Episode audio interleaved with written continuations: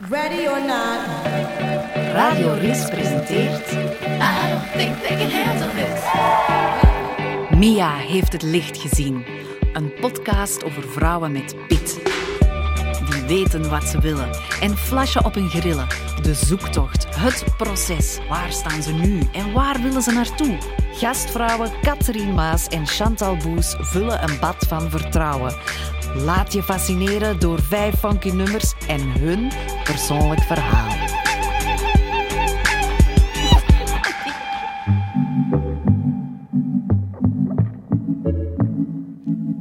Christine Maus zag het licht in 91.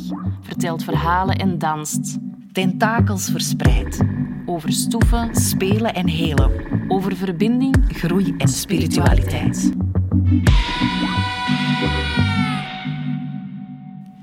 Welkom, Christine Maus.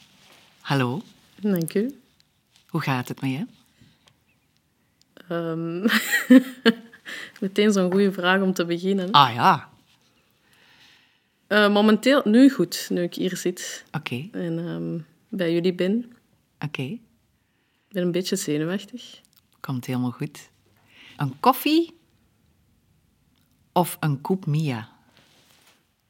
Oeh, ik drink geen koffie, dus ik ga voor de koep Mia. Is het echt?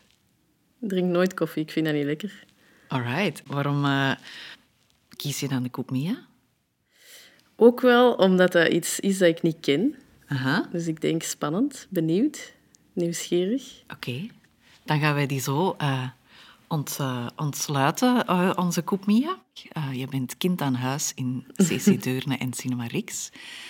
Eh, jij bent een dame met heel eh, veel tentakels in verschillende, eh, ja, in verschillende sectoren. Ehm, en aan de hand van vijf nummers hebben we jou gevraagd om Ja. een beetje jouw carrière te schetsen. Jouw, wie ben jij? Wordt hier gewoon een podcast vol moeilijke vragen. ja, wie ben ik? Ehm, ik vind het wel een mooi gezicht van u, van die tentakels. Eh, want zo voel ik me ook wel. Ik voel me wel iemand met veel verschillende uiteinden of zo. En daar ben ik dan ook wel altijd in aan het zoeken van waar focus ik mij eerst op of, of ehm, waar wil ik naartoe of zo. Ehm, en wie ben ik? Ja, ik zou mezelf wel omschrijven als iemand heel creatief en eh, vol goesting eigenlijk. En goesting en wat? Ehm, vooral in nieuwe dingen. Maar- Zoals? Ja, eh, zoals die Koep Mia. Ja, vooral, ik ben vooral wel veel allee, met dans en schrijven en theater, zo die zaken. Maar ook wel ja, de wereld ontdekken of zo. Ik reis ook heel graag. En ik ontdek ook heel graag nieuwe mensen. Zo ja, eigenlijk alles dat nieuw is. En het oude gooi je in de vuilbak? Of is dat iets wat je meesleept? Of, of, eh, ja, of daarom ben je altijd op zoek naar iets nieuws? dat is wel iets dat ik meesleep en waar ik soms iets meer mag loslaten, denk ik nog. Ehm, maar ja, in de vuilbak zou ik het nooit gooien, denk ik, want dat maakt ook wel wie dat je bent. Ja. En meestal, want ik maak ook theatervoorstellingen en zo, en dat gaat altijd over dingen die ik zelf heb meegemaakt. Dus ik denk dat dat ook dan de kracht is allee, van dus het verleden te gebruiken Aha. om iets mee te doen voor de toekomst dan. Oké. We gaan naar eh, jouw eerste nummer luisteren. Dat is een nummer van eh, Elvis Presley. Wil je daar al iets over vertellen of doen we dat na het nummer? Ehm, nee, ik zal er al iets over vertellen. Dat is eigenlijk eh, heel leuk, want dat was exact op dit podiumpje waar dat we nu zitten. En dat was mijn allereerste keer dat ik te maken kreeg met CC Rix en CC Deurne. Want ik was toen samen met iemand ehm, al vrij lang. En die was zijn papa verloren. En die had eh, spijtig genoeg veel schulden achtergelaten. En we wilden heel graag iets doen voor, voor de mama eigenlijk, om die wat te steunen. En ook een beetje een erebetoon aan de papa. En hebben dus hier op dit podium eigenlijk eh, met allemaal verschillende vrienden van ons die dan allemaal iets hebben gebracht. Eh, van muziek tot tekst tot dans. ehm, eigenlijk een benefiet optreden gegeven. Ehm, en dan ja, met een foto van die papa in puzzelstukjes op een achtergrond. Dat ook dan een vriend helemaal had geschilderd. Een gigantisch schilderij had gemaakt. Ja. En dat was eigenlijk echt een heel, heel mooie avond. Dat was eigenlijk de eerste avond dat ik hier iets had gedaan. En dat heel warm voelde en vol liefde. En dat ook een beetje mijn lichtpuntje is geweest in dat jaar. Zo, ik had toen een heel moeilijk jaar. En dan ja, het feit dat ik dat hier kon doen. Eh, want ik, ik weet nog dat er eh, een van mijn collega's, allez, stagiair collega's, is komen kijken. En die zei ook echt van... Ah, ik zie je nooit zo op stage. Je straalt helemaal. Je bent zo super in je element. Je ziet er super goed uit. Ehm, ja, en dat kwam eigenlijk echt omdat ik hier op dit podium mocht staan. Eh, en Philippe, die al het vertrouwen had ook in mij, van dat gaat sowieso lukken. Ja. En eh, mijn lief toen had dat liedje, dat eigenlijk ons liedje was, Love Me Tender, eh, gezongen. Zonder dat ik dat wist, had hij dat voorbereid. Dat hij dat dan zong en dat hij dan ook zei, dat is speciaal voor, voor ja, mijn vrouw of mijn lief. En eh, Voor jou, Christine. voor mij. Oké, Love Me Tender van Elvis Presley. Love me tender, love me sweet, never let me go. You have made my life complete, and I love you so. Love me tender, love me true, all my dreams fulfill. For my darling, I love you, and I always will. Love me tender, love me long, take me to your heart. For it's there that I belong and will never part. Love me tender, love me true, all my dreams fulfill. For my darling, I love and I always will.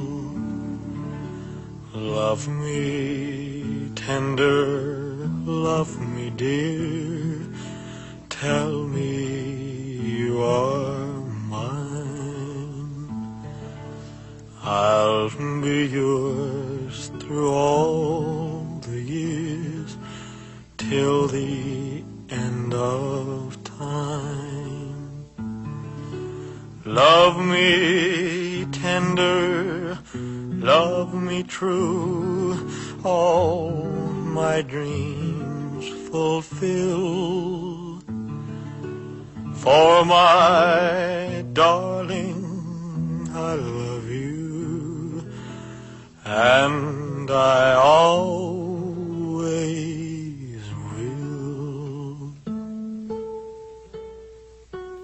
heerlijk nummer, Love Me Tender, van eh, Elvis Presley. Christine, wat doe jij het liefste? Een mentale workout of een fysieke workout? Ja, ik zou toch voor de fysieke gaan, denk ik. En waarom? Omdat ik soms al te veel nadenk. Aha. En het dan misschien wel leuk is om eigenlijk gewoon in mijn lichaam te zakken, in plaats van in mijn hoofd te blijven. Ja. Maar het hangt er ook wel vanaf wat voor workout het is. Oké, eh, suggesties om, eh, om mensen wat tips te geven wat jouw favoriete workouts zijn? Ik dans eigenlijk vooral het liefst. En eigenlijk zo weinig mogelijk in pasjes en houdingen. Ik ben nu wel sinds eh, een paar maanden met Kundalini-yoga begonnen. En dat is eigenlijk de enige yoga die ik volhoud. Aha. Omdat dat ook met zingen is en ook heel meditatief. En veel meer die verbinding met dat spirituele. Dus daar hou ik dan wel vol. Ja. Maar zo puur echt workout van aerobics of we gaan hier nu pompen of ik weet niet wat, dat vind ik wel moeilijker. eh. ja. En waarom? Ik vind dat niet zo leuk. Ja. Ik, ik, dan, dan heb ik eigenlijk ook nog altijd te veel ruimte om na te denken. Ah ja. En dan zo van, allee, nog tien pompjes. Allee, hoe lang duurt dat hier nog? Wanneer is dat hier gedaan? Ehm, terwijl als ik gewoon vrij dans, dan, ja, dan volg ik gewoon het gevoel wat in mij opkomt. En dan denk ik niet na. Dat is juist het ding. En wat is spiritualiteit voor u dan? Is dat zo belangrijk in uw leven? Ja, meer en meer ook. Ja. Ehm, dat is wel iets dat mij altijd heeft geholpen op moeilijke momenten. En eigenlijk als kind al, heel grappig, dan deed ik elke avond een gebedje. Is dat? Ja, natuurlijk, wij zijn wel katholiek opgevoed en zo. Maar dat was nooit echt dat wij thuis dan gebedjes deden. Maar ik deed dat gewoon als kind voor ik ging slapen. Echt naar mijn vader zo'n heilige staan. En dan zei ik... Ik zei altijd, liefste Heer en iedereen die daar nog is. En dat is tof. Ja, Ja. en dan zei ik van... eh, ik had echt zo'n zin. Hè. Ehm, ik hoop en ik wens en ik wens en ik hoop voor iedereen en voor alles en voor alles en voor iedereen het allerbeste en het aller, allerhoogste goed. Zoiets. Wauw. Ik herhaalde ook alles in twee richtingen. en dan Ja. begon ik heel mijn dag te bedanken. Van bedankt dat ik ben opgestaan en bedankt dat ik dit heb gedaan en dat heb gedaan. En dan wenste ik voor iedereen die ik allee, kende in mijn omgeving van ja, ja, ik wens voor mijn mama dat dit gebeurt en voor mijn papa dit en mijn zus. En, en dan eindigde ik altijd mee, als je nog een beetje tijd over hebt, dan zou ik voor mijn eigen ook nog dit of dat willen wensen. Maar zo schoon. Doe jij dat, jezelf wegcijferen voor anderen? Ja, minder dan vroeger, maar wel nog steeds te veel. En hoe komt dat eigenlijk? Ik weet dat niet goed. Ja, ik ben ook wel een tweeling. Aha. Dus we zijn altijd met twee geweest. Dus je hebt van in het begin al moeten... Moeten delen? Van in de buik al. Ehm, en mijn zus heeft ook wel op haar één jaar een ehm, hersenvliesontsteking gehad. Die is er gelukkig heel goed uitgekomen. Maar, eh, allee, prima, perfect eigenlijk, niks. Eh, maar ehm, ik denk dat ik dat dan ergens onbewust wel heb opgepikt van... Oei, ik, ik moet de ander beschermen of, of zoiets. Ja. Want als kind had ik dat ook heel hard, vooral naar mijn tweelingzus, van... Als iemand daar iets tegen deed, dan was het echt tegen mij ook. Is dat? Ja, Maar ja, dat, is, dat, is, dat gebeurt wel meer bij tweelingen, niet? ja misschien. Ja. Ja. We zijn twee eigen, dus we lijken ook totaal niet op elkaar. Maar ik heb dat altijd al gehad. Ook als in de lagere school was ik altijd de bemiddelaar tussen, tussen kinderen. En, en zo... Altijd zo degene die heel hard met de ander bezig is. Ja, van waar komt dat? ja?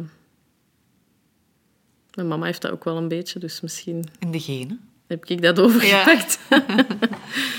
Vind je dat een comfortabele positie in het leven? De bemiddelaar zijn? Ik heb graag harmonie. Ja. Dus ik, als ik daaraan kan bijdragen, dan vind ik dat fijn. Maar als het ten koste is van mezelf, dan is het op den deur niet meer fijn natuurlijk. ja. En ik denk altijd als je... Allee, voor dat ben ik heel hard aan het leren, meer en meer van hoe meer dat je jezelf dient, hoe meer dat je ook de ander kunt dienen eigenlijk. ja. En heb je daar trucjes voor dan? Ehm, heb ik daar trucjes voor? Want ik denk dat veel mensen daar wel mee zitten. Hè? Allee, heel veel mensen geven graag, maar krijgen of ontvangen minder. Eh, of weten niet hoe dat ze daarmee om moeten gaan. Ja, dat is, ik, dat is inderdaad wel ook trouwens iets heel cultureel. Ja, Heel Vlaams. is dat? Ja, ja want ik heb in Nederland gestudeerd eh, en daar was dat veel minder. Daar is dat gewoon van, je geeft een compliment en die zeggen, ah ja, dat is zo, bedankt. en bij ons is dat zo, ah ja, maar... Zelfs simpel, als je al zegt, amai, mooie trui aan. Ah ja, maar ik heb die gekregen van mijn zussen, of ik weet Ja. wat. Of heel een uitleg, in plaats van gewoon te zeggen, ja, ik vind dat ook, dank u. dat, dat zijn wij niet gewend eigenlijk. Nee. Dat mag ook bijna niet, dat is bijna arrogant of... Ja, Of ehm, als je over jezelf zegt, ik kan dit goed, dan is dat bijna van, oei, dikke nek. ja, Ehm, en dat heb ik echt moeten leren. Mijn leerkrachten zeiden echt van, jij bent te bescheiden. ja. Stop ermee. Ja, en ik was zo van, oei, ja, maar dat is toch positief? Want zo, hebben wij, zo zijn wij opgevoed. Je Aha. moet bescheiden zijn, je mocht niet te veel over jezelf stoeven. ja. Maar inderdaad, ik denk dat dat wel al een goed iets is van stoef maar over jezelf. Ja. Ik doe dat nu in mijn dagboek dan. Ik schrijf echt elke dag. En dan stoef ik daar. Dus het is nog wel tegen mezelf. stapje. Het zou Ja. mooi zijn moest ik dat wat meer naar de buitenwereld ook durven doen. Maar dankbaarheid, elke avond van waar ben ik dankbaar voor en, en waar, waar kan ik mijn eigen voor bestoeven, zal ik zeggen. ja. Ehm, Dat is misschien weer voer voor een nieuwe voorstelling, Christine. Ah, ja. Heel veel voer. maar je moet het ook nog in actie zetten, natuurlijk. ja. Ja. Vind je dat fijn om zo ehm, het menselijke gegeven in je voorstellingen te steken? Of zou je zo ook eens iets heel abstract willen maken? Ehm, nee, ik heb al heel abstracte dingen gemaakt. Maar niet zelf. Wel Ah, ja. meegedaan in Ja. Mhm. iets abstract. Of met een vriendin samen. En dat was heel abstract. En ik merk dat ik dat mijn eigen verlies. Ja.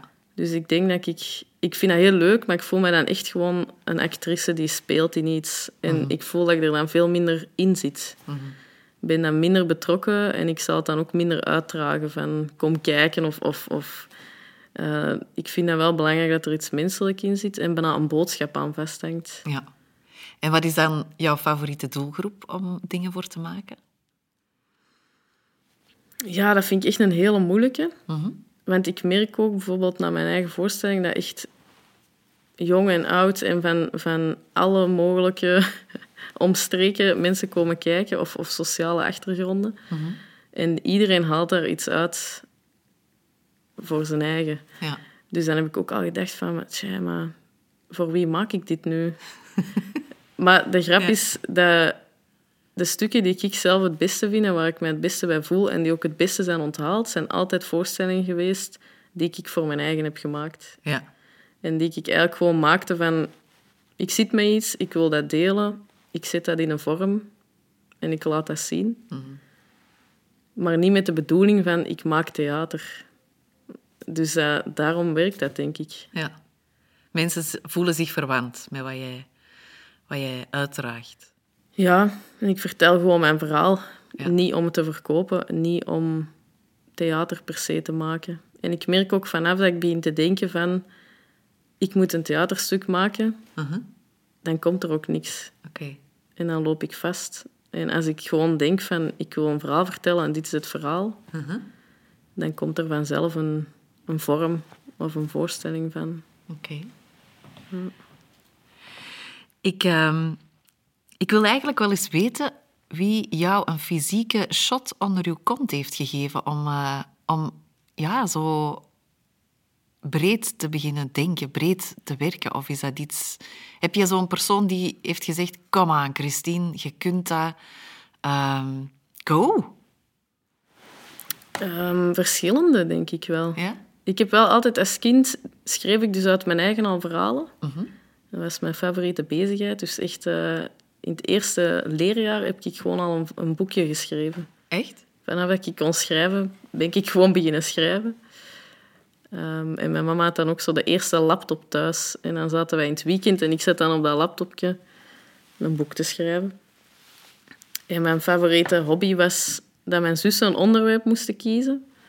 En dat ik daar dan een verhaal rond maakte. En dan speelde ik een monoloog met mezelf. Want we hadden twee deuren.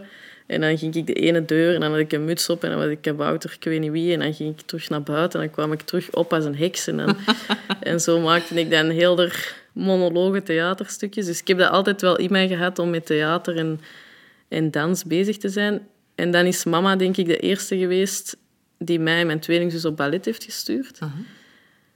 Omdat ik de, niet kon stilzitten. Ja. Dus die vond dat ik iets moest doen met beweging. En Helene vond dat eigenlijk helemaal niet leuk. Dus die wou stoppen en ik wou dan ook stoppen. Ja. En dan zei mama van nee, ik zie dat jij dat leuk vindt, jij moet dat verder doen.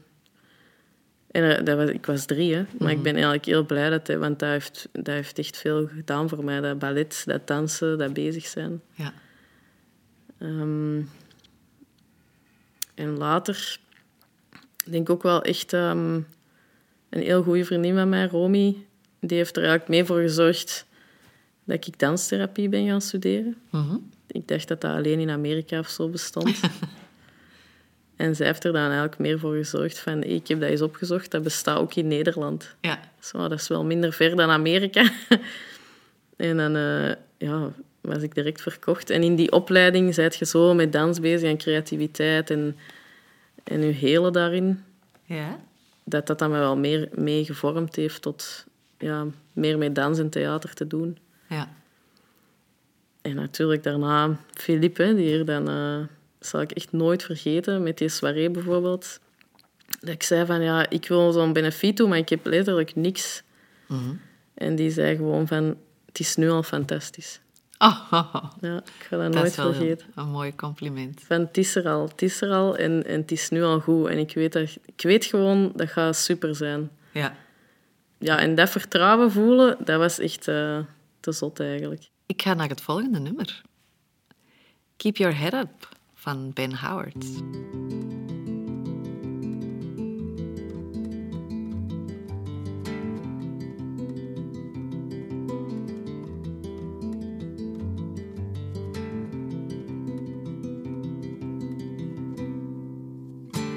I spent my time watching the spaces that have grown between us, and I cut my mind on second best. All the scars that come with the greenness, and I gave my eyes to the boredom. Still, the seabed wouldn't let me in, and I tried my best to embrace the darkness in which I swim.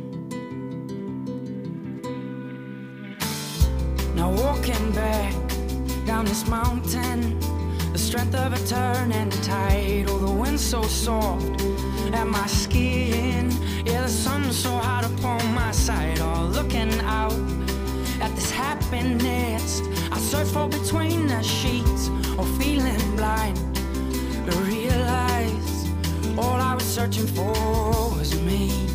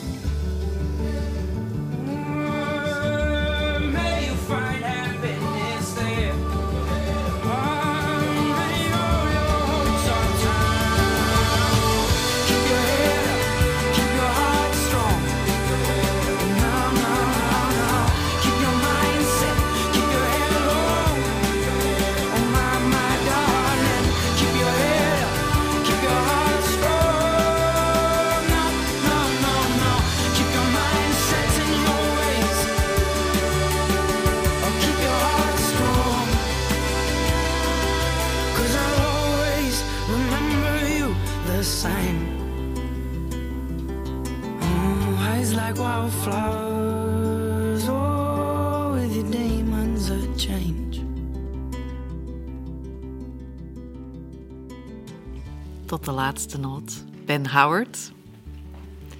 Van waar dit nummer? Heel mooi lied, vind ik dat. Ehm, ik deed stage en daar heb ik eigenlijk voor het eerst die spiritualiteit een beetje ontdekt. Ja. In die zin, ik deed stage bij mensen die niet konden praten, verbaal, dus alleen non-verbaal. En ik kon echt eh, een ruimte binnenkomen en gewoon overvallen worden door een gevoel. En dan heel verdrietig worden of heel boos of heel... En dan ging ik daar zelf een verhaal aan verzinnen van... Ja, misschien omdat ik deze mooie ruzie heb gemaakt met mijn lief of ik weet niet wat. En eh, dat ging zo ver dat ik uiteindelijk mezelf echt verloor. Van, maar, maar ik voel hier de hele tijd andere dingen en ik word er echt door overvallen en ik weet niet wat dat is. Ehm, en dan had ik dus een heel moeilijk stagejaar eigenlijk. Ehm, en dan heeft er een vriendin deze lied doorgestuurd. En dat was dus zo mijn mantra. en dan deed ik dat elk, elke dag, voor ik aan mijn stage begon, danste ik even op dit lied. Ja. En dan, dat hielp mij een beetje om zo, ja, mijn head op te houden, zeker. Eh, en dan ben ik bij een sound healer therapist ge- geweest. En die zei direct tegen mij van, ja, 90% van wat je voelt is eigenlijk niet van u. Je staat veel te open. Aha. En ik dacht, wat is dat? Waar heb je het over? Ja. Ehm, en dan ben ik beginnen ontdekken van, ah ja, je kunt echt het gevoel van iemand anders gewoon Binnennemen. ja, overnemen en zelf voelen. En eigenlijk is dat uiteindelijk wel een kwaliteit. Ik ben dan daarna gaan werken als danstherapeut met mensen met angst- en stemmingstoornis, die dan wel verbaal ook konden spreken. En die, dan, dan werd dat veel duidelijker, want dan kon ik echt binnenkomen en ineens een gevoel op mijn borst hebben en heel verdrietig worden. En dan, dan zeiden die dat van, oh, ik heb al een hele week zo'n gevoel hier en ik, ik ben heel verdrietig. En dan verdween dat bij mij. Gek. En dan was dat van, ah, hé, ik heb gewoon gevoeld wat, Wat dat jij jij voelt. Wat een kracht is, omdat ik ook kon voelen, wat heb je dan nodig? Ja. Ehm alleen, uiteindelijk, het werk is om de mensen dan het zelf te laten ontdekken, hè, van wat heb ik nodig. Ja. Maar ja, dat- uiteindelijk was ik wel blij van, ik heb dat nu ontdekt. Ehm, en dat is dan beginnen verder evolueren eigenlijk. Ja. En die Keep Your Head Up, ja, dat, dat was dan het lied dat mij er dan wat in recht hield in dit stagejaar. Ja. En ik heb daarna ook een voorstelling gemaakt, Alles Kan, ehm, samen met mijn vriendin Laura. En dat was dan ook weer Filip die zei van, ja, ja, je kunt dat hier wel doen in CC Deurne, dan komt hier maar repeteren. Aha. En ja, dat was ook met mensen in een rolstoel, wat dan niet ging op dit podium. Dus dan eh, hebben wij in CC Merkse mogen optreden, maar ook weer via Filip, van je kunt dan daar terecht. Ja. En daar hebben we ook gedanst op dit lied. Ja. Ehm, Met de rolstoelpatiënten. met de rol- ja, patiënten zou ik het niet noemen, dat Nee. waren eigenlijk gewoon vrienden. Oké. Eh, een van mijn goede vrienden die in een rolstoel is beland, Aha. die ehm, eigenlijk eh, een nekwervel had gebroken, dus verlamd vanaf tepelhoogte. Oei. En ik weet nog dat ik die ben gaan bezoeken op zijn revalidatiekamer en dat die dan vroeg aan mij van wat, met welke mensen zou je het allerliefste werken? Aha. Ik zei, ja, eigenlijk met mensen zoals jij, die fysiek niet meer alles hetzelfde Ja. kunnen als ons.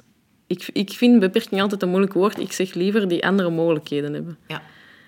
En ja, mensen met andere mogelijkheden, maar die wel mentaal nog volledig eigenlijk mee zijn en dus mee kunnen reflecteren en denken en doen. En eh, ja, dan moest hij heel hard lachen. En uiteindelijk zei hij, ja, ik wil eigenlijk wel mijn verhaal eens echt delen. Ja. Hoe dat dan nu is om, om dan in een rolstoel te zitten. Maar ik ga dat niet doen. Maar jij mocht mijn verhaal op het podium brengen. Oké. Ehm, maar uiteindelijk is het dan toch zo gegroeid dat hij ook wel echt zelf heeft meegedaan. En dat hij eigenlijk eh, verpakt in een rol toch zijn eigen monoloog en zijn eigen verhaal heeft gebracht. Ja. En dat was wel heel mooi. En dan hebben we inderdaad gedanst op dit nummer ook. Super. Ja. Waar vind jij de schoonheid van het leven?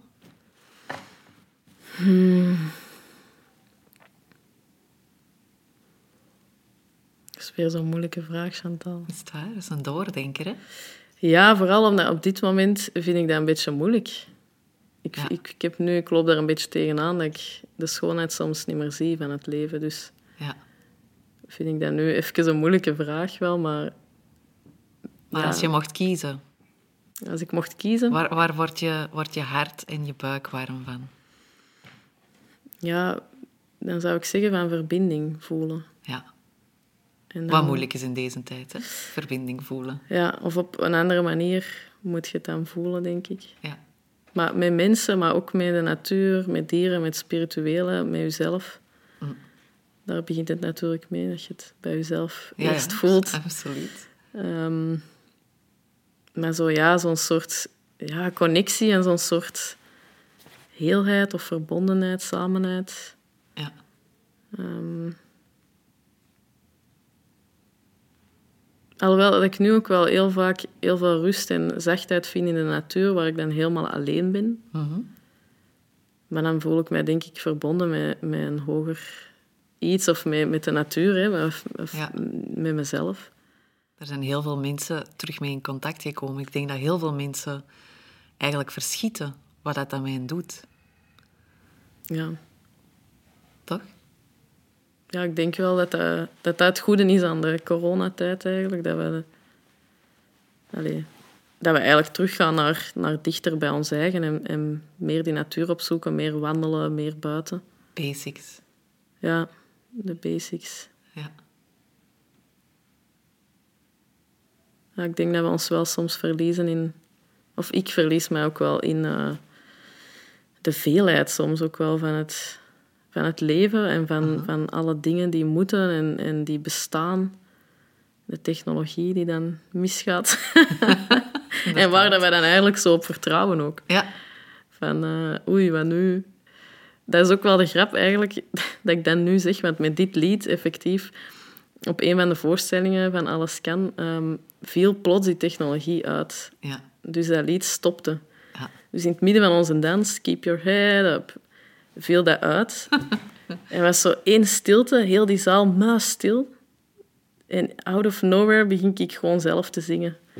Keep your heart strong. Ja, ja, ja, ja. Keep your mind set. En ik ben gewoon beginnen zingen. Maar, wow, zo vals als iets. En zo, het kan me niet schelen, maar gewoon... Ja, dan doen we het maar zelf. Ja. En uiteindelijk zeiden veel mensen achteraf van dat was eigenlijk een van de mooiste momenten uit de voorstelling. Want dat was zo kwetsbaar en zo echt. En zo puur. Zo van, ai, alles valt hier weg. We, we staan hier naakt. Wat doen we nu? ja. En dan heb jij een automatische reflex om ineens te zingen. Ja, ik ben een heel goede improvisator. Is het waar? Vertel eens. Ja, dat, dat is heel raar, maar dan komt er bij mij zo'n klik van... Oké, ik zit dan zo in mijn rol ook, of zo, zo. Ik ben dan zelf zo in dat moment. Ja, dat ik dan precies... Dat ineens ja, komt er gewoon vanzelf iets, dat neemt dat over en, en ik doe gewoon verder. Ja. In diezelfde voorstelling is er namelijk ook een pot rode saus. Dat speelt zich af in een zogezegde supermarkt. En ik was de, de dwangneurotische superettenvrouw die zo alles moest perfect staan en mooi en netjes. En ik verzet een rek en ineens valt daar, want we waren zo slim om echte producten te gebruiken ook soms, een gigantische pot rode saus naar beneden op mijn hoofd en dan op de grond in duizend stukken Ai. in het midden van die voorstelling. En dat was echt zo lichte paniek. Wat nu? Auw, mijn hoofd. Ja. Maar gelukkig had ik de rol van... Ah, dat moet hier allemaal proper zijn. en, ah." Dus ik heb dat gewoon helemaal uitgespeeld. Ja. En iedereen vroeg daarna van... Dat was toch bedoeld, hè? Want allee, ik vind dat wel straf dat je dan een echte pot hebt gepakt Ja, en dat je die dan nog op je hoofd laat vallen. Ja, ja, ja. Ik zei, ja, ja, dat was allemaal part of the show. Maar dat was natuurlijk niet, maar op een of andere manier, ja, ik, ik, dat, ik maak dan dat dat in mijn rol past of zo. ja. Het volgende nummer. Broken. Van eh, Patrick Watson.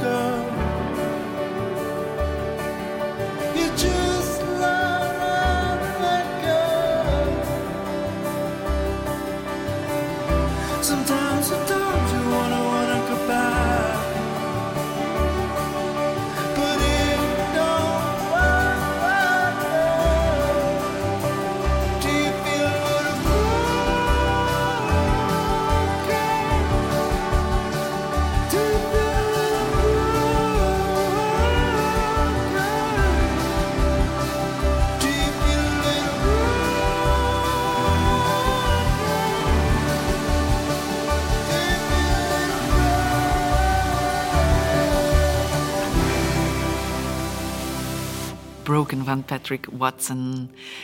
Christine, ben jij gebroken? Ik zou zeggen ja. En dan zou ik zeggen nee. Dat is een heel mooi antwoord. Ja, je kan breken en dan gelijmd worden.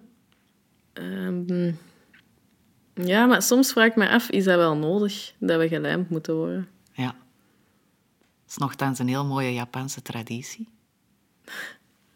Ja, ja, toen niet meer. Die, die lijmen al die scherven terug. Ja, met gouden, gouden naadjes. Dat is wel mooi, met gouden naadjes. Ja.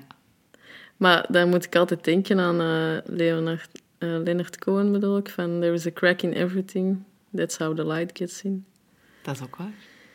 Dan denk ik, ja, misschien zijn we, is dat wel nodig om allemaal een beetje gebroken te zijn. Ja.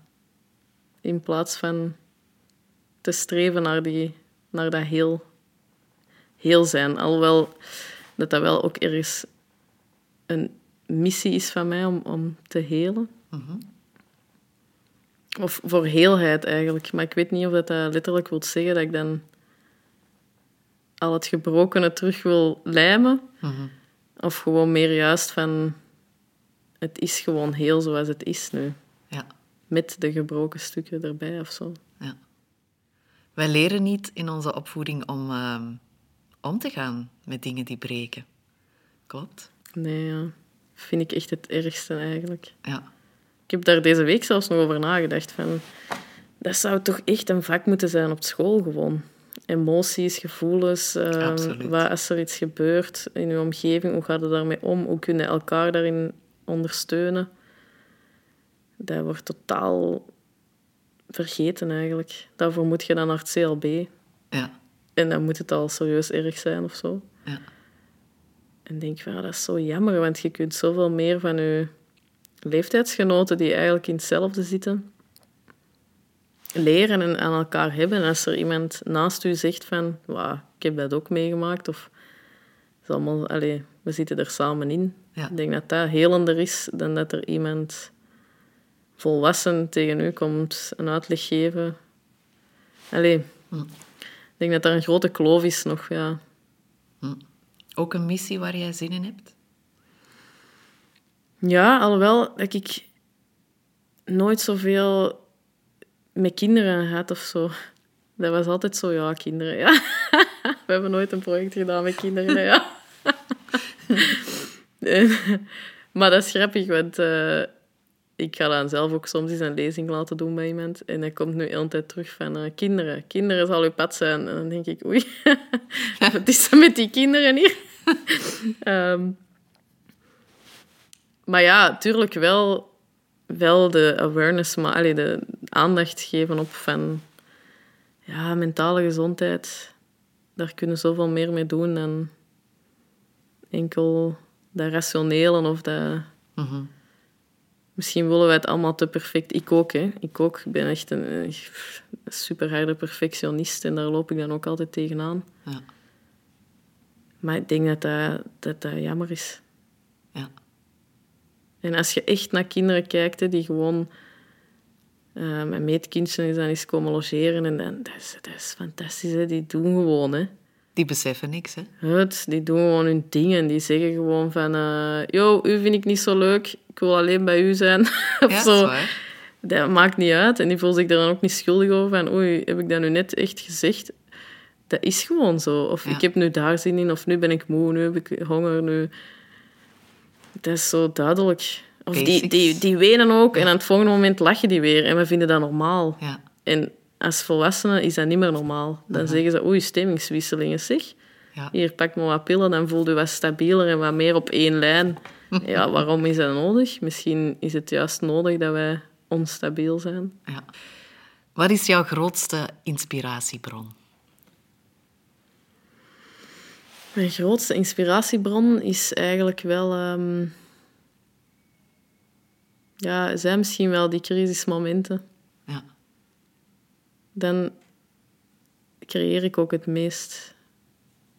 Als alles misgaat, dan eh, komt er bij mij terug zoiets... Of als, zo in de, in de pijn komt er bij mij dan juist eh, de creatiedrang of de, het inspiratiemoment. Ja. En als dan alles oké gaat of goed gaat, dan, dan valt het zo wat stil bij mij. Of dan eh, ik kan veel makkelijker schrijven over pijn dan over mooie dingen of zo. Dat is misschien wel Raar. Nee, dat is niet raar. Dat dat intenser is of zo. Of misschien... Omdat mij dat helpt om te helen, denk ik. Om daar iets over te schrijven dan, of om iets mee te doen. Ja. Ehm, en ik haal ook wel inspiratie uit andere mensen en uit andere, andere mensen bezig zien, andere mensen Uit cultuur, uit... cultuur, ja, naar theater gaan of muziek of dansstukken zien. Ik kan eigenlijk het beste creëren als ik naar een voorstelling ga kijken en het is dan donker in de zaal, iedereen is gefocust op wat er in het podium gebeurt. En dan ben ik aan het, aan het creëren over andere dingen, of ik zie mijn eigen dan op dat podium staan, of, of ik, dingen die er dan verteld worden, daar ga ik dan een eigen verhaal nog mee maken. Of, dan komt er bij mij de inspiratie. In de donkerte ook wel, eigenlijk. In de, Ja. Letterlijk, als het nacht wordt, dan ben ik precies meer creatief dan overdag ook. Ja. En in de donkere theaterzaal, in de donkerte van het leven. Dus misschien eh, ben ik ook ergens een marmotje. of een vleermuis. Die moeten er ook zijn, nietwaar? Mhm. Naar waar ben je nog op zoek? Maar ik wou bijna zeggen naar verlichting. Van de donkerte. Ehm, ja, toch wel nog een deel naar mezelf. En ehm, ja, soms, maar misschien als ik nu heel dit verhaal doe, denk ik misschien is dat niet zo, maar denk ik dat dat zo is. Soms denk ik van, goh, ik zou gewoon eens gewoon willen zijn. Of zo gewoon eens simpel. Dat het is gewoon even gemakkelijk. Allee, gewoon normaal, simpel, gewoon rustig, tevreden. Stabiel. Stabiel, maar ja, misschien na heel mijn verhaal nu denk ik, goh, misschien is dat gewoon iets dat ik denk dat ik moet bereiken. Omdat dat zo rond mij ook verteld wordt. Mhm. Misschien is dat eigenlijk niet wat ik nodig heb. Misschien is dat niet Christine Maas. Inderdaad. Stof tot nadenken. Ja. Als je in de toekomst kijkt, ehm, ongeacht wat er nu gaande speelt, hè, waar zou je dan jezelf zien staan in de toekomst? Wat zou je nog graag willen verwezenlijken? Dat is ook weer zo'n moeilijke vraag. Als, als je echt je hart mag laten spreken, echt. Het kan absurd zijn. Het kan in een appartement in Dubai wonen, bij wijze van spreken. Maar als je echt wat je voelt op dit moment, gekoppeld aan wat dat allemaal mag.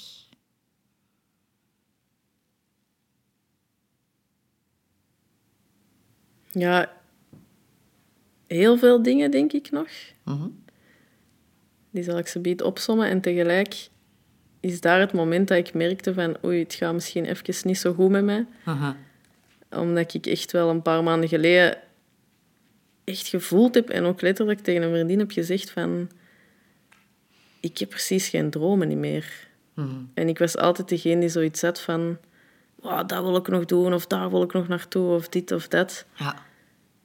Het gras was altijd een beetje groener aan de overkant. Dan heb ik wel ontdekt van, het gras is gewoon groen hier. Want ik, ik deed echt, ik had mijn eigen bedrijf als danstherapeut, theatermaker. Ehm, ik, ik, ik volgde mijn eigen flow een beetje. Ja, ik kwam over, op verschillende plekken ter wereld. En toen had ik echt zoiets van, maar het gras is gewoon groen hier. Ik doe nu... Nu is het mooi, nu is het zalig. En dat heb ik dan ergens wat verloren. En, en, en nu is het zo van, goh, bijna zo'n moeheid van, ja, weet je, natuurlijk, ooit wil ik nog wel eens een wereldreis maken, maar ja, corona en zo, laat maar, of zo. Ja, Ja. ik wil nog wel eens een voorstelling maken, maar ja, weet je, zo, ja, en dat is wel een moeilijke om te voelen, van, ja, ik heb, waar, waar is die goesting naartoe of zo? Ja. Ik zie me nu eerder zo ergens in een bos wonen, in zo'n hutje en een beetje ja, waarzegsterachtig of heksachtig eigenlijk. En gewoon met wat wolven rond mij. en daar zo op met een bezem. Zo'n beetje dat zo van, ja. Is het omdat je ook niet gelooft in wat de maatschappij voorschotelt? Dat je gewoon het gevoel hebt van, ik word niet gehoord, ik, ik, ik voel mij niet thuis hier? Ja, toch, toch wel, ja. En ehm, ja, ik voel mij niet thuis of, of ik ben dat vechten wat beu. Ja.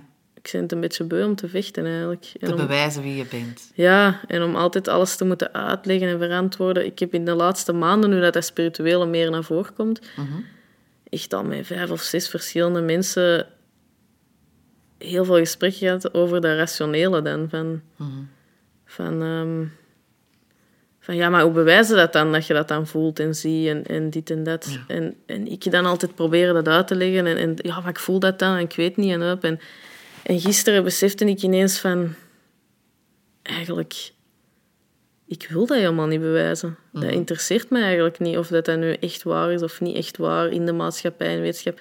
Dat is wat ik denk dat echt waar is, want voor mij is dat waar. En ik denk dat dat, ja, je waarheid of wat je gelooft. Allee, de waarheid is wat jij zelf gelooft. Ik vind niet, ik denk dat het gevaarlijk wordt als je alleen maar, als je niet meer open staat voor iets anders. Ja. Als ik nu echt zou zeggen van dit is zo en dit is voor iedereen zo, Mhm. ik denk dat het dan gevaarlijk wordt. Maar dat vind ik ook met wetenschap. Als Ja, je gaat klopt. zeggen, dit is, wetenschap is de waarheid en zo is het en zo is het voor iedereen, Mhm. denk ik dat we ook gevaarlijk bezig zijn. Mhm. En dat vind ik, dat vind ik ja, een moeilijk evenwicht. En daarin heb ik soms zoiets van... Zeg, ik heb het gehad of zo. Weet je, geloof mij dat niet. Mhm. Maar dan zoek ik wel andere mensen die daar wel in meegaan. Heb je behoefte aan vrijheid? Ja, enorm. Ja. En tegelijk helpt structuur soms om een beetje... Ik denk dat ik wel nood heb aan een kader. En binnen dat kader kan ik dan vrij zijn. Maar om dat kader zelf te scheppen is niet altijd gemakkelijk, merk Ja. ik. Ja. Dus, eh, dus Dat is dan een com- combinatie van wat je zelf wilt, maar wat de maatschappij ook wilt. Of- Ja, en ook natuurlijk, ik ben ook in een heel rationele familie opgegroeid. Mhm. Dat is ook deel van mij. Hè. Ik kan dat ook niet ontkennen. Ik ben ook deels wel in dat rationele thuis of zo. Dus het zijn de twee. Mhm. Maar daar versmelten en dat combineren en daar een evenwicht in vinden. En moest nu... Dat rationele is altijd en overal thuis. Ja, Want iedereen kent dat en Ja. dat hoort erbij. en dat snapt Maar dat iedereen. spirituele is niet overal thuis. Nee. En dat, dat is dus constant ergens het gevoel hebben van een deel van mij mag hier niet zijn. Mhm. En denk, als die twee er mogen zijn, ja, dan ben ik heel. Of dan is het heel voor mij. Dat is een mooie missie. Ja, dat is, De missie naar vrijheid. Daar gaat het volgende nummer ook over. dat is waar. Freedom van Pharrell Williams. Ja. Waarom heb je dat gekozen? Ehm, de tekst eigenlijk aan zich zegt ook wel van... ehm, ja, ik ben nu even kwijt letterlijk de woorden, maar in ieder geval wel zoiets van... Ja, ik wil die vrijheid en, en, en ja, help mij daarin zoeken. Maar eigenlijk vooral ook omdat dat het eerste lied is dat eh Pi, ehm, een hele goede vriend van mij en zielsverwant, heeft dat in onze lijst gezet. Die, dat was ook een technieker van mijn stuk. En die ehm, heeft dat lied als eerste in onze gemeenschappelijke lijst gezet. En zo gezegd van, denk dat dat ook echt een lied is voor u. Eh, want dat was wat wij allebei zochten eigenlijk. Constant die, die freedom, die vrijheid. Die, en, en dat dan bij elkaar vonden eigenlijk ook een stuk. Ja, Omdat wij elkaar wel een stuk echt zagen of zo. ja. begrepen. Begrepen, ja. Het mocht er gewoon zijn of zo. Ja. We gaan eens luisteren. Hold on to me. Don't let me go. Who cares what they see? Who cares what they know? Your first name is free. Last name is dumb. But you still believe in where we're from.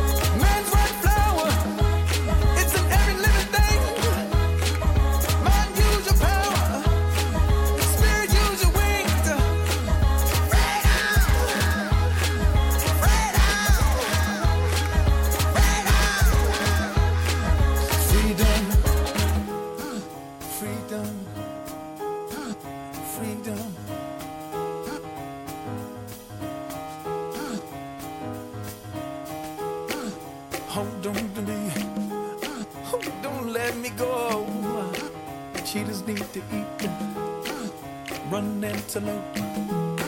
Your first name is King, last name is Dumb. Cause you still believe in everyone. When the baby first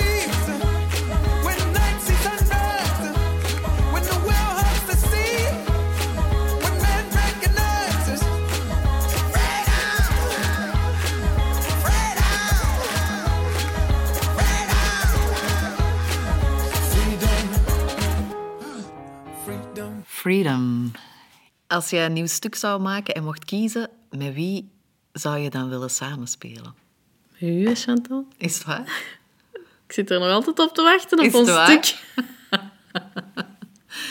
Goh, maar eh, stel dat ik het niet ben. Wie wordt het dan? Ehm, ik weet eigenlijk niet of ik per se wil samenspelen met iemand. Mhm. Met mezelf en met mijn gidsen of het universum, zal ik zeggen. Oké. Ik heb wel gemerkt dat als ik samen theater maak, dat dat moeilijker is. Met mij niet, hè. Met u niet, nee. Ja, met u gaat dat gewoon... Grapje. Wij flowen erdoor. Hè. Maar eh, omdat ik eigenlijk iemand ben die heel last minute creëert ook. Ja. Dus met mijn stuk over de eerste burn-out moed, hè, ehm, heb ik eigenlijk ook eerst de zaal hier vastgelegd. Van ja, kijk, ik kom dan iets doen. Ik heb dan een Facebook-evenementje gemaakt van ik ga iets vertellen. Ik heb dat dan genoemd moed de, de moed ervoor te kiezen dat er niks meer moet. Gewoon van, er moet niks. Ik ga een avond niks moeten. Zet mij hier in de foyertje. Ik vertel een verhaal. Misschien vertelt er iemand anders uit het publiek ook een verhaal. Misschien zeg ik helemaal niks. Is het gewoon een avond stilte. Ik zie wel. En dan is dat zo wat gegroeid van... Goh, maar ja, natuurlijk, nu komt er wel wat volk. Het is misschien wel eens een moment om... Als ik iets wil vertellen, dan is het misschien wel nu. Dus dan ben ik toch een beetje beginnen zoeken van... Wat zijn dan zo de verhalen die ik misschien toch nog wil delen? Ja. Wat dan uiteindelijk wat over mijn burn-out ging, over de camino die ik gewandeld heb, over mijn relatiebreuk. Was ze van, ah ja, tja, misschien, ehm, ja, misschien heb ik toch wel veel meer te vertellen dan ik dacht of zo. Ja. En dan is dat uiteindelijk zo wat gegroeid eh, naar zo'n moment. Ik weet eigenlijk niet meer wat ik aan het vertellen was. Omdat je graag sta, alleen op Ah, het ja. podium stond. Ja, of staat. Wauw. Ja. Eh, en dan, maar uiteindelijk ik moet zeggen, in de laatste dagen, dus drie dagen voor, voor het effectieve optreden, heeft dan Pie en Philippe eigenlijk hebben dan gezegd van ja, je hebt eigenlijk een, een voorstelling op een podium moeten. Je moet kunnen dansen ook en zo. We gaan dat dier brengen. Niet meer in de foyer, dit, dat. Maar tot op de laatste dag zelf nog ben ik daar dan nog aan het sleutelen en aan het veranderen. Eh, en zelfs daarna, ik heb dat dan nog een paar keer opgetreden. En dan kom ik toe en dan zeg ik... Pie, sorry man, eh, ik heb gisteravond nog dit en dat bedacht. We gaan het toch anders moeten doen. Dat einde moet veranderen. En dus ik heb geen enkele voorstelling twee keer hetzelfde gedaan. Ja. Dat is altijd blijven evolueren en groeien en veranderen. En dat is echt heel last minute. Dat is echt on the moment dat ik dan nog ineens iets verander. Ehm, en Pie zei dan altijd van, ik haat deze echt. Maar alleen bij u kan ik dat aan, omdat jij het zei. Ja. Dus eh, daar had ik dan wel geluk mee dat hij dat niet zo erg vond dat ik dan plots muziek begon te veranderen van plek en eh, tekst begon te schrappen en weet ik het. Die ging daar dan wel gewoon niet mee. Ja. Ja. Maar ja, dus dat heb ik wel gemerkt daarna met één iemand samen te werken nog. Dat die, ehm, en dat was ook een persoonlijk proces van haar. En dan heb ik wel gemerkt van oei, ehm, ja, dat is moeilijk. Want ik ben iemand die dan heel last minute nog denkt van ah, dat klopt iets niet of deze moet toch nog anders. Maar andere mensen willen wel weten waaraan en waaraf. Dus ik kan dan in mijn hoofd wel dingen bedenken en ik weet, ik heb dat nu bedacht en ik ga dat morgen zo doen. ja, Maar je moet de andere mensen ook wel mee hebben in je hoofd, natuurlijk. klopt. Is dat is misschien omdat ze niet weten wat er in je hoofd allemaal afspeelt? Dat je dat niet kan verwoorden of dat je dat niet kan... Ja, zeker, ja. En omdat ik ook veel kan inbeelden, ik verbeeld me dan hoe dat, dat gaat zijn en wat ik dan ga zeggen. En dan weet ik, ik ga dat dan ook zo doen. Maar dat wil niet zeggen dat die andere mensen dat ook zo gaan doen, natuurlijk. Of Ja. kunnen doen. Ja. Die zijn natuurlijk niet mee in die verbeelding. En ja, ik kan het dan inderdaad niet altijd goed uitleggen. Ik voel altijd heel veel, maar ik heb dan nog niet de woorden of nog niet... Ja, dat is een gevoel, dat is een intuïtie. Hoe leg je dat uit? Ja, Ik weet gewoon dat deze niet klopt en ik voel gewoon dat, dat we iets anders moeten doen, maar ik weet dan nog niet altijd wat precies. En als daar dan geen ruimte voor is, dat het anders mag zijn, of dat we zelfs nog mogen zeggen op de dag zelf, nee, we doen het niet vandaag, want het voelt nog niet af, dan, ehm, dan blokkeer ik. ja. Heb jij een pingpongpartner waar je dingen mee afdoet? Dat is heel grappig, want ik ben echt onlangs terug beginnen pingpongen in het park, echt letterlijk. Ehm, Dus die partner heb je zeker, de pingpongpartner, maar eh, iemand waar je mee dingen afdoet. Ehm, verschillende mensen ook wel. En ja, dat is natuurlijk wel heel lang, allee, of een heel, allee, een heel dik jaar de pie geweest. Die dan, ehm, dat was echt het zalige. Zo het Die gevoel van, echt. Ja, en zo het gevoel van, ik zit in een team. Ja. Ik kan ook echt bellen van, goh, wij zijn daar uitgenodigd om op te treden. Wat denkt je, doen we dat? Doen we dat niet? Wat voelde jij? Wat denk ik? Ja. Dus dan moest dat ineens niet alleen in mijn eigen hoofd afspelen, maar kon ik dat echt met iemand die effectief meedeed aan die voorstelling, Ja. eh, allee, of eh, dat mee ja, recht hield eigenlijk, kon ik dat effectief sparren en kon ik dat effectief beslissen, wat doen we hiermee. Ja. En dat was heel fijn, hè? dat was echt het gevoel van ja, letterlijk gesteund worden. Ehm, en dat is ook wel wat dat uiteindelijk, dus voor alle mensen thuis, Ehm Pie is dan gestorven. Eh, 31 mei 2019 heeft hij gekozen om het, eh, om het leven te verlaten. Mhm. Om het mooi te zeggen. Omdat hij de vrijheid hier niet vond, eigenlijk. Ja. Of hij- ja, die zei ook wel echt, dat zal ik ook nooit vergeten, van... eh, ik wil niet echt dood, maar ik weet gewoon niet hoe dat ik moet leven. Mhm. En ik denk, die, dat is een beetje wat ik nu soms ook voel. Van, ik, ik heb het geluk dat ik niet die drang heb om, om mezelf iets aan te doen. Mhm. Ehm, dus ik ga dat ook nooit doen. In die zin, ik zal niet zomaar het leven verlaten. Ja. Maar ik voel me ja, wel ook wel heel veel bezig met de vraag van hoe leeft je dan eigenlijk? Hoe Ja. doe je dat nu? ja. Is dat nog iets wat je met hem afdoet? Ja, nu Spiritueel? wel. Ja, Of- in het begin, eh, in het begin had ik dat eigenlijk een beetje dicht. Allee, had ik ook zoiets van... Want als ik daar contact mee maak, dan is hij eigenlijk heel blij en heel, heel licht en heel vreugdevol. En heeft hij zoiets van, kom aan. En, en dan ben ik eigenlijk boos van, ja, jij zit daar vrij te zijn. En, ik, zit hier. dat is niet eerlijk. Ja. En ehm, ja, dan, vind, dan is dat wel vervelend. Dan heb ik wel zoiets van... En dat is eigenlijk in het algemeen het moeilijke. Doordat ik dus kan praten met overleden zielen soms, weet ik dat het daar eigenlijk best oké is of zo. Dat is toch een geruststelling? Dat is een geruststelling, maar ook wel... ehm, ja, zoiets van, als het daar dan zo leuk is, waarom leven wij dan eigenlijk? Goeie vraag. Waarom zijn we dan niet allemaal dood? Hè? Ja. Eh, dus dat vind ik wel zo soms een vraag van, tja, dat is toch raar eigenlijk. Ja. Waarom hebben wij dan ooit bedacht? eh? Maar ooit wel een droom gehad, al half wakker, half eh, met mijn bompa die dan kwam. Mhm. En die zei toen tegen mij, als je gewoon als ziel leeft en niet als mens op aarde, dan kun je niks voelen. Ah ja. En jij wou heel graag alles voelen. Voilà. En hier zei er nu. En hier zei ik dan, alles aan het voelen. Doe maar toch. Ja. Dus eh, ja, daar geloof ik dan wel in. Van oké, ja, als je gewoon energie bent, dan zij de energie, maar je voelt niet meer. Ja. En ik denk dat we daarom als mens op aarde zijn, om dat te kunnen voelen, letterlijk, fysiek, elkaar Ja. en ook al die gevoelens. En daarom hebben we al die verbinding ook nodig, om dat te kunnen voelen. Om dat te kunnen voelen. Mhm. En omdat we uiteindelijk ook allemaal één geheel zijn, denk ik. Ben ik ook zeker van. Wat geeft jou een verzadigd gevoel op een dag? Of gewoon in het algemeen? Ehm, ik denk toch wel als ik iets heb kunnen creëren. Ja. Of als ik bijvoorbeeld eh, zo een kaartlegging of zo of iets heb kunnen doen voor iemand. Dat jou energie geeft. Dat geeft me energie en Ja. dan heb ik zoiets van... Ik heb weer iets kunnen betekenen of zo. Ja. Ik denk dat ik daar toch wel veel mee bezig ben, met iets kunnen betekenen. Of... Maar dat is ook wel iets dat ik heb te leren. Dat, is, dat, dat mijn therapeuten ook wel zei onlangs tegen mij. Van, ehm, je hoeft niet altijd nuttig te zijn om, eh, om, om van gehouden te worden. Mhm. Van, je, ze mogen ook gewoon van u houden, gewoon. Zonder dat je iets nuttig moet doen of iets moet betekenen. Mhm.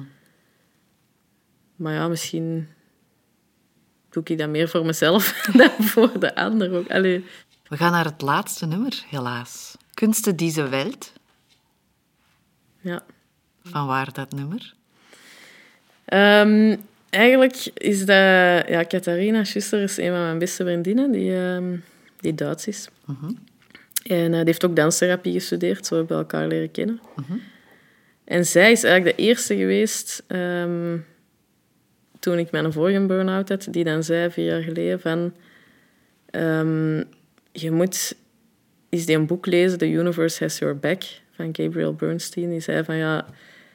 eigenlijk, ja, er is meer dan alleen wat we zien. En ehm, ja, start u maar, allez, begint maar eens dingen te wensen, want de wet van de aantrekkingskracht werkt. Ja. Begint maar eens te wensen van gewoon, ik wil een, een geel kleed of zo, of ik wil eh, is iets grappig met een neus, of ik weet niet, domme dingen, hè, maar gewoon en, en kijk eens of dat, dat echt gebeurt. En dat gebeurde dan effectief allemaal. Ja.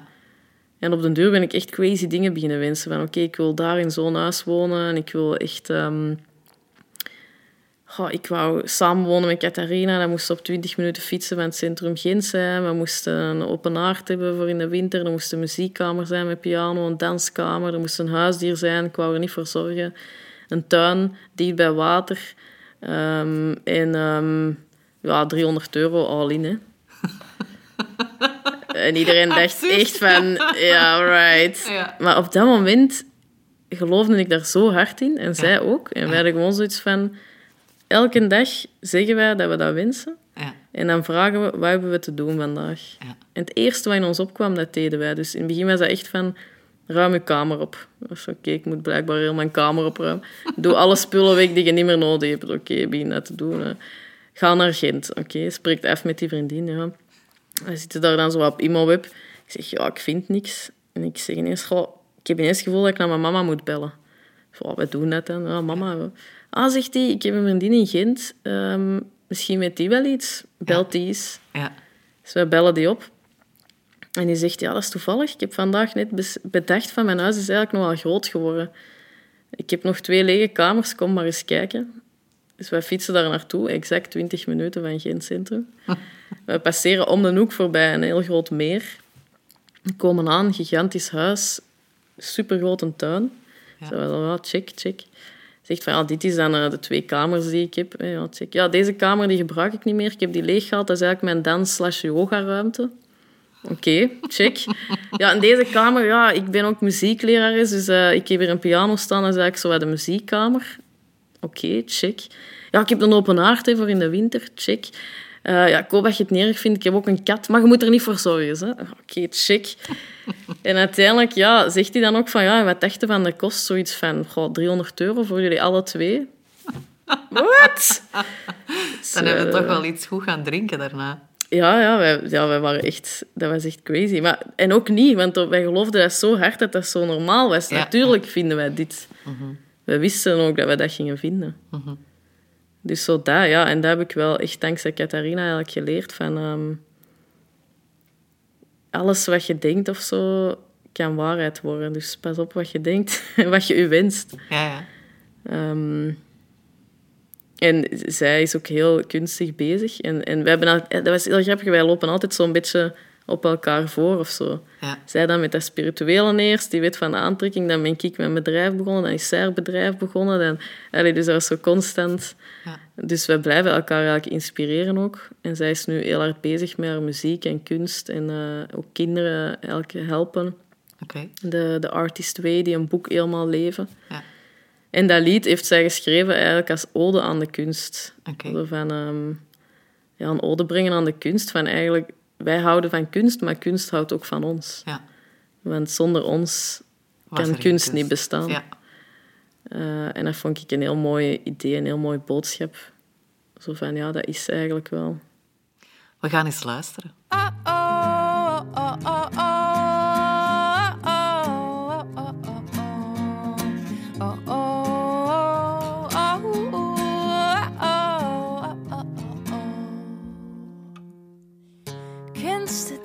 Welt, herzlich willkommen, Künste dieser Welt. Bei mir zu Hause, Künste dieser Welt nicht weiter ziehen, sondern stehen bleiben, um in mir und meinem Geist zu spielen. Künste dieser Welt. Herzlich willkommen, Künste dieser Welt. Bei mir zu Hause, Künste dieser Welt. Nicht weiter ziehen, sondern stehen bleiben, um in mir und meinem Geist zu spielen, die Freiheit zu lieben, woran ich gerade denk, die Freiheit zu dichten, wohin der Stift mich lenkt, die Freiheit zu komponieren. Über der Stadt und die Freiheit, die dich zu mir gebracht hat, die Freiheit zu lieben, woran ich gerade denk, die Freiheit zu dichten, wohin der Stift mich lenkt, die Freiheit zu komponieren. Über der Stadt und die Freiheit, die dich zu mir gebracht hat, Künste dieser Welt. Herzlich willkommen, Künste dieser Welt. Bei mir zu Hause, Künste dieser Welt. Nicht weiter ziehen, sondern stehen bleiben, bitte, um in mir und meinem Geist zu spüren, was der Nil für Ägypten. Das bist du für mich. Was der Nil für Ägypten. Das bist du. Das bist du für mich. Kunsten deze Welt van Kate. Wat is jouw mooiste herinnering aan het langskomen of het zijn in CC Deurne?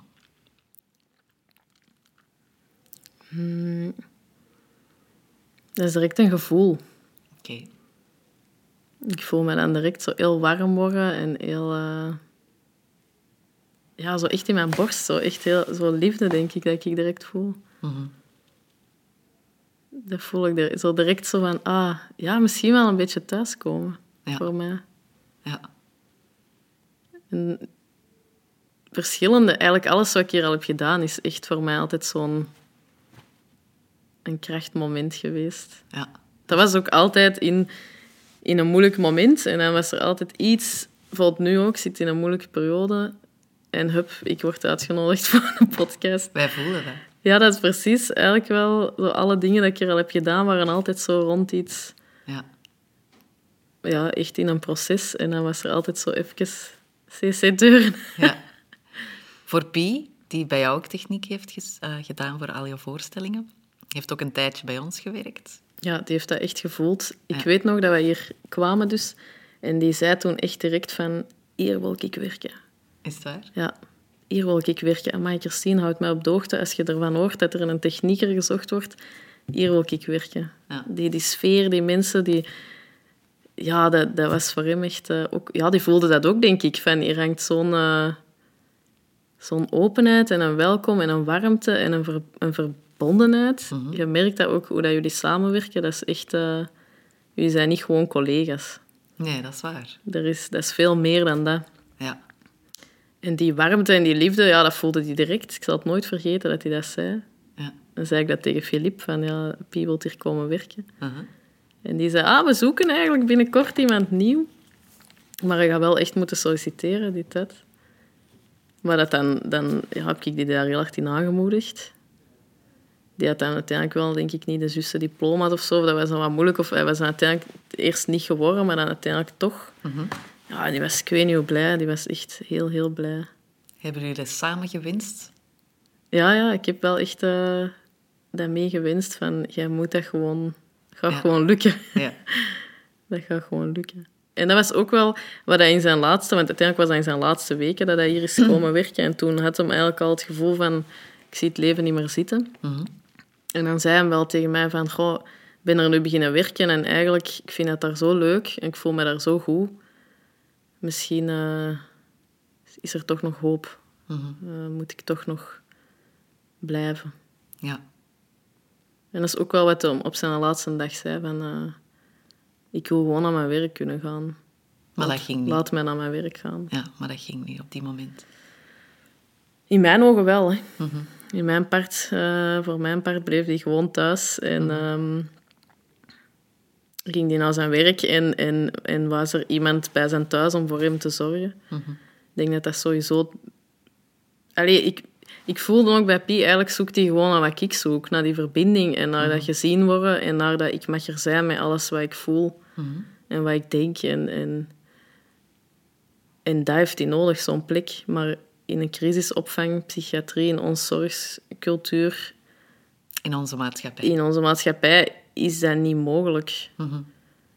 Ehm, pas op, ik heb zelf op een psychiatrische afdeling gewerkt waar dat, dat wel was, maar dat was een behandelingafdeling en dat was ook, wij waren eigenlijk vrienden, eerder dan collega's. En er was wel, en er zijn veel mensen geholpen ook, dus er was wel een soort warmte. Maar in de crisisafdeling, daar komt gewoon iedereen bij elkaar binnen en zeker daar. ehm, ah, ik kwam daar ook binnen en ik dacht, ik wil hier weg.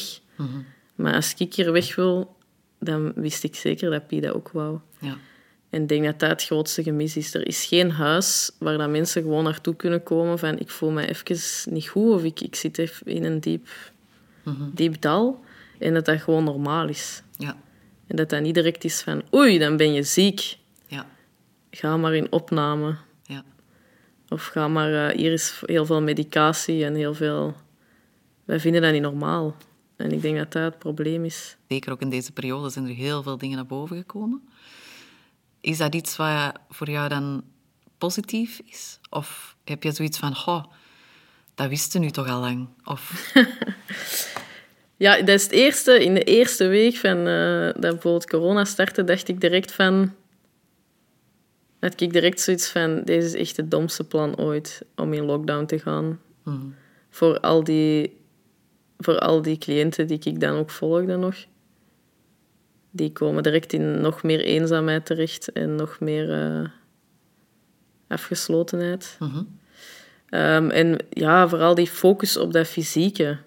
Van, eh, je zit eigenlijk gewoon heel veel mensen op overleven, Ja. omdat er dan een paar mensen zouden kunnen overleven. Maar ja, dus ik vond toen al direct van, goh, de, mentale, de mentale naslag dat het gaat hebben, wordt nu al niet over nagedacht. Dat, wo- dat wordt minder belangrijk geacht dan het fysieke van mensen sterven letterlijk van de ziekte. Maar er zullen denk ik nog mensen sterven op een andere manier van de gevolgen van de ziekte. En dat vind ik, daar wordt, wordt weinig over nagedacht. En, ehm, of weinig over nagedacht is misschien ook wel een beetje te zwart-wit gezegd, hè, want Ja. er zijn wel mensen mee bezig.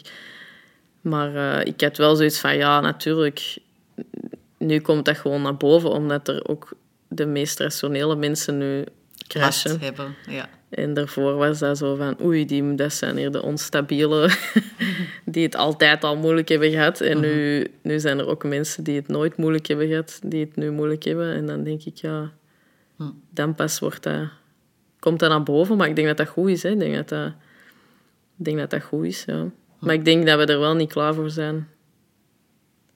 Stilletjes aan. Allee, ja, er nog wel er nog veel werk is, zal ik zeggen. Ik wil heel graag weten ehm, wat je als eh, drie inspiratietips wil geven aan jonge mensen die met cultuur bezig zijn. Ik zou zeggen, het eerste wat mij opkomt is... Spreek uw waarheid. Van, deel gewoon wat er in u leeft. En ehm, als tweede misschien iets over ja, gedachten en krachten. Gedachten zijn krachten. Ja, een vriendin van mij zei dat onlangs. En dat hangt voor mij samen met de wet van de aantrekkingskracht. Van wat je u wenst, wat je denkt, dat kan echt waar worden. Dus wens maar wat mooie dingen. Ja. En als derde vind ik een moeilijke. Misschien zijn, misschien zijn het er dan gewoon twee. Ja, of misschien zoiets van... ehm, ja, gebruik die donkerte maar. Om er iets licht mee te doen. Dat is ook een hele mooie. En ik kan natuurlijk eindigen met mijn eigen slogan. dat delen en spelen is helen. ik wil heel graag ehm, naar de periode dat jij geboren bent. Je bent geboren op 30 maart. En ik heb hier een fantastisch boek, ehm, de horoscopen van elke dag, van elke geboortedag. En ik wil, uh, ik wil jouw stukje even voorlezen. Je bent geboren op 30 maart, de dag van de compromisloze visie. Je hebt sterke kanten. Je bent gedreven, energiek en zelfs visionair. Je hebt zwakke kanten. Je bent gespannen, eenzaam en rebels. Klopt dat voor je? Ja. Helemaal? Ja, eigenlijk wel. Hm. Vind ik wel, ja. Ja. Ik kan jou een advies geven. Kalmeer, zonder nadrukkelijke uitleg begrijpen anderen je ook. Vermijd conflicten, wees diplomatiek. Een compromis betekent niet dat je je eigen visie niet kan uh, aanbeuken. Verwaarloos je niet. En als meditatietip, en dat is heel mooi om te eindigen, denk ik. Volwassenen groeien op om weer kind te worden. Dankjewel, Christine Maus, voor deze hele fijne babbel. Dankjewel, Chantal en Katrien, om mij uit te nodigen. Heel graag gedaan.